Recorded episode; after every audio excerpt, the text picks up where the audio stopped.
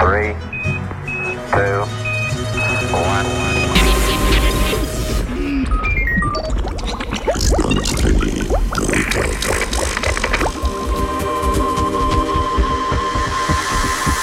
object. Dobro jutro in pozdravljeni v sredinem jutranjem programu in to je prvi znanstveni Britov.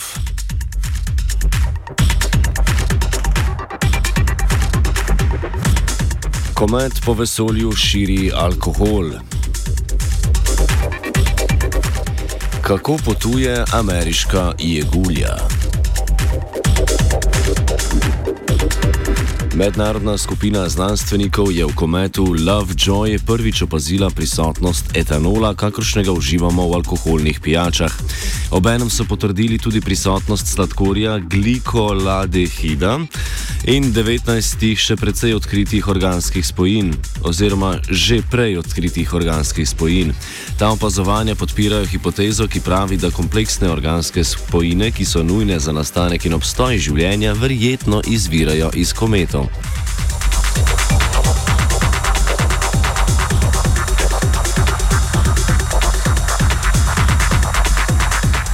Kometi so namreč zmrznjeni ostanki mase iz obdobja nastajanja našega osončja. Od časov masovnega bombardiranja Zemlje pred 4 milijardami let se večinoma zadržujejo na robu osončja. Kadar se kateri od njih dovolj približa Soncu, se močno segreje, pri tem pa njegovi gradniki zaradi sončevega radiacijskega pritiska in sončevega vetra oblikujejo prašni in plinski rep.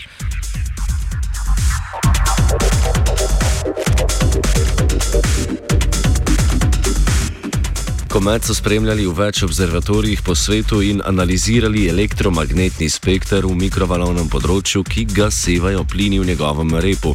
Tako so izmerili, da je na vrhuncu svojega žarenja ta od 100 do 200 metrov velik komet vsako sekundo v vesolje izpustil 50 litrov alkohola.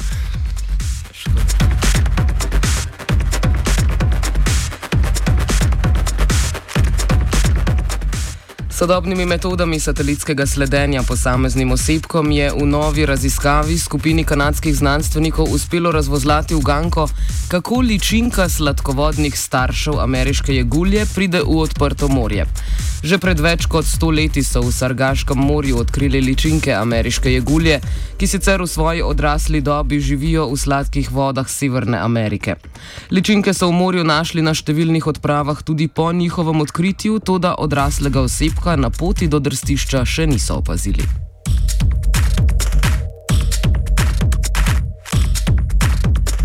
Ameriške jegulje so ogrožena vrsta rib, ki v svoji odrasli dobi živi v rekah ali jezerih Severne in Južne Amerike. V, v, v, v morskem okolju se iz jajčica izvalijo ličinke po imenu leptocefali, ki potujejo proti obali Severne Amerike in se tam preobrazijo v razvojno stopnjo imenovano rumena jegulja. Pod tem imenom se jegulja vključi v sladkovodni sistem, kjer se preobrazi v končno fazo imenovano srebrna jegulja. V tej obliki osebki spolno dozorijo in se ponovno odpravijo na pot proti drstišču v Srgaškem morju.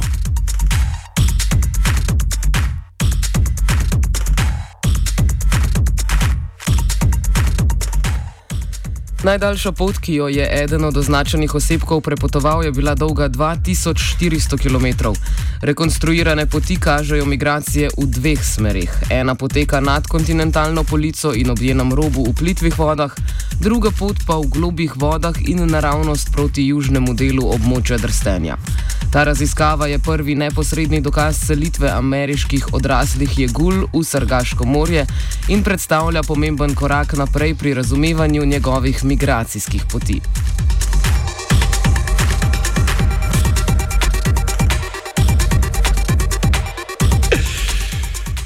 Kometi sva ga pili, Maja in Urša.